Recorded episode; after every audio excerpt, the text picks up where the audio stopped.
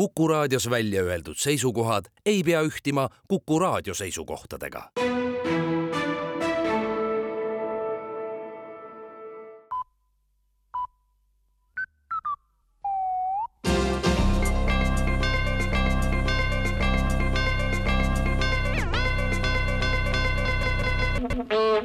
uudised on eetris ja stuudios Rohke Develak valitsus annab teada, et palgavaesuse üks peamisi murekohti on see, et inimene kogu aeg töötab, aga sellele vaatamata on ikkagi vaene ja see probleem lahendatakse nüüd palga kaotamisega.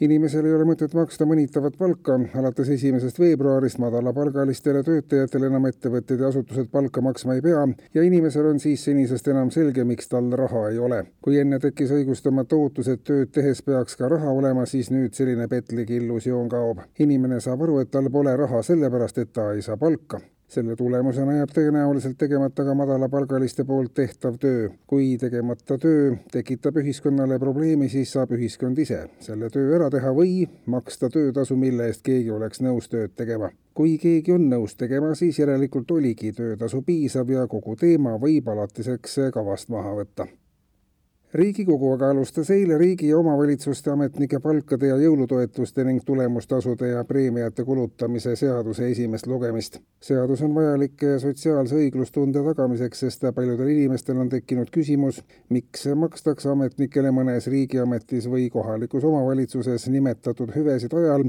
mil paljud inimesed jäävad hoopis ilma tööta uue seaduse kohaselt on riigi või linna või valla ametnik kohustatud oma saadud suurema töötasu või jõulupreemia või muu preemia kulutama Eestis toodetud kaupadele või teenustele. säärane preemiate ja tulemustasude süsteem tagab, et ametnikele makstud suurendatud hüved jäävad tegelikult ikka Eestisse ja annavad Eesti inimestele tööd ja seega ka sissetulekut. mida rikkam on ametnik, seda rikkam on ka rahvas, seisab eelnõuga kaasas olnud seletuskirjas kuna valdade liitumise teema ei ole veel lõplikult laualt maas, siis pärast seadusandluse vastavat korrigeerimist on valdadel lubatud nüüd alates suvest liituda mitte ainult teiste valdadega Eesti Vabariigis, vaid otsida liitumiseks jõukamaid omavalitsusi ka välisriikidest.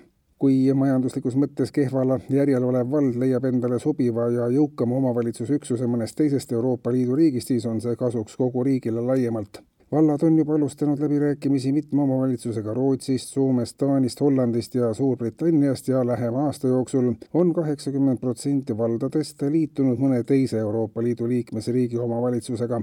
Tallinn on jätkuvalt tegemas näiteks jõupingutusi saamaks Moskva üheks linnaosaks ja sarnaseid koostööprojekte on arvukalt veelgi, tõdeti ümarlaual. valdade liitumise uus laine on lõppenud eeldatavalt viie aasta jooksul ja uudiste lõpetuseks veel palgast.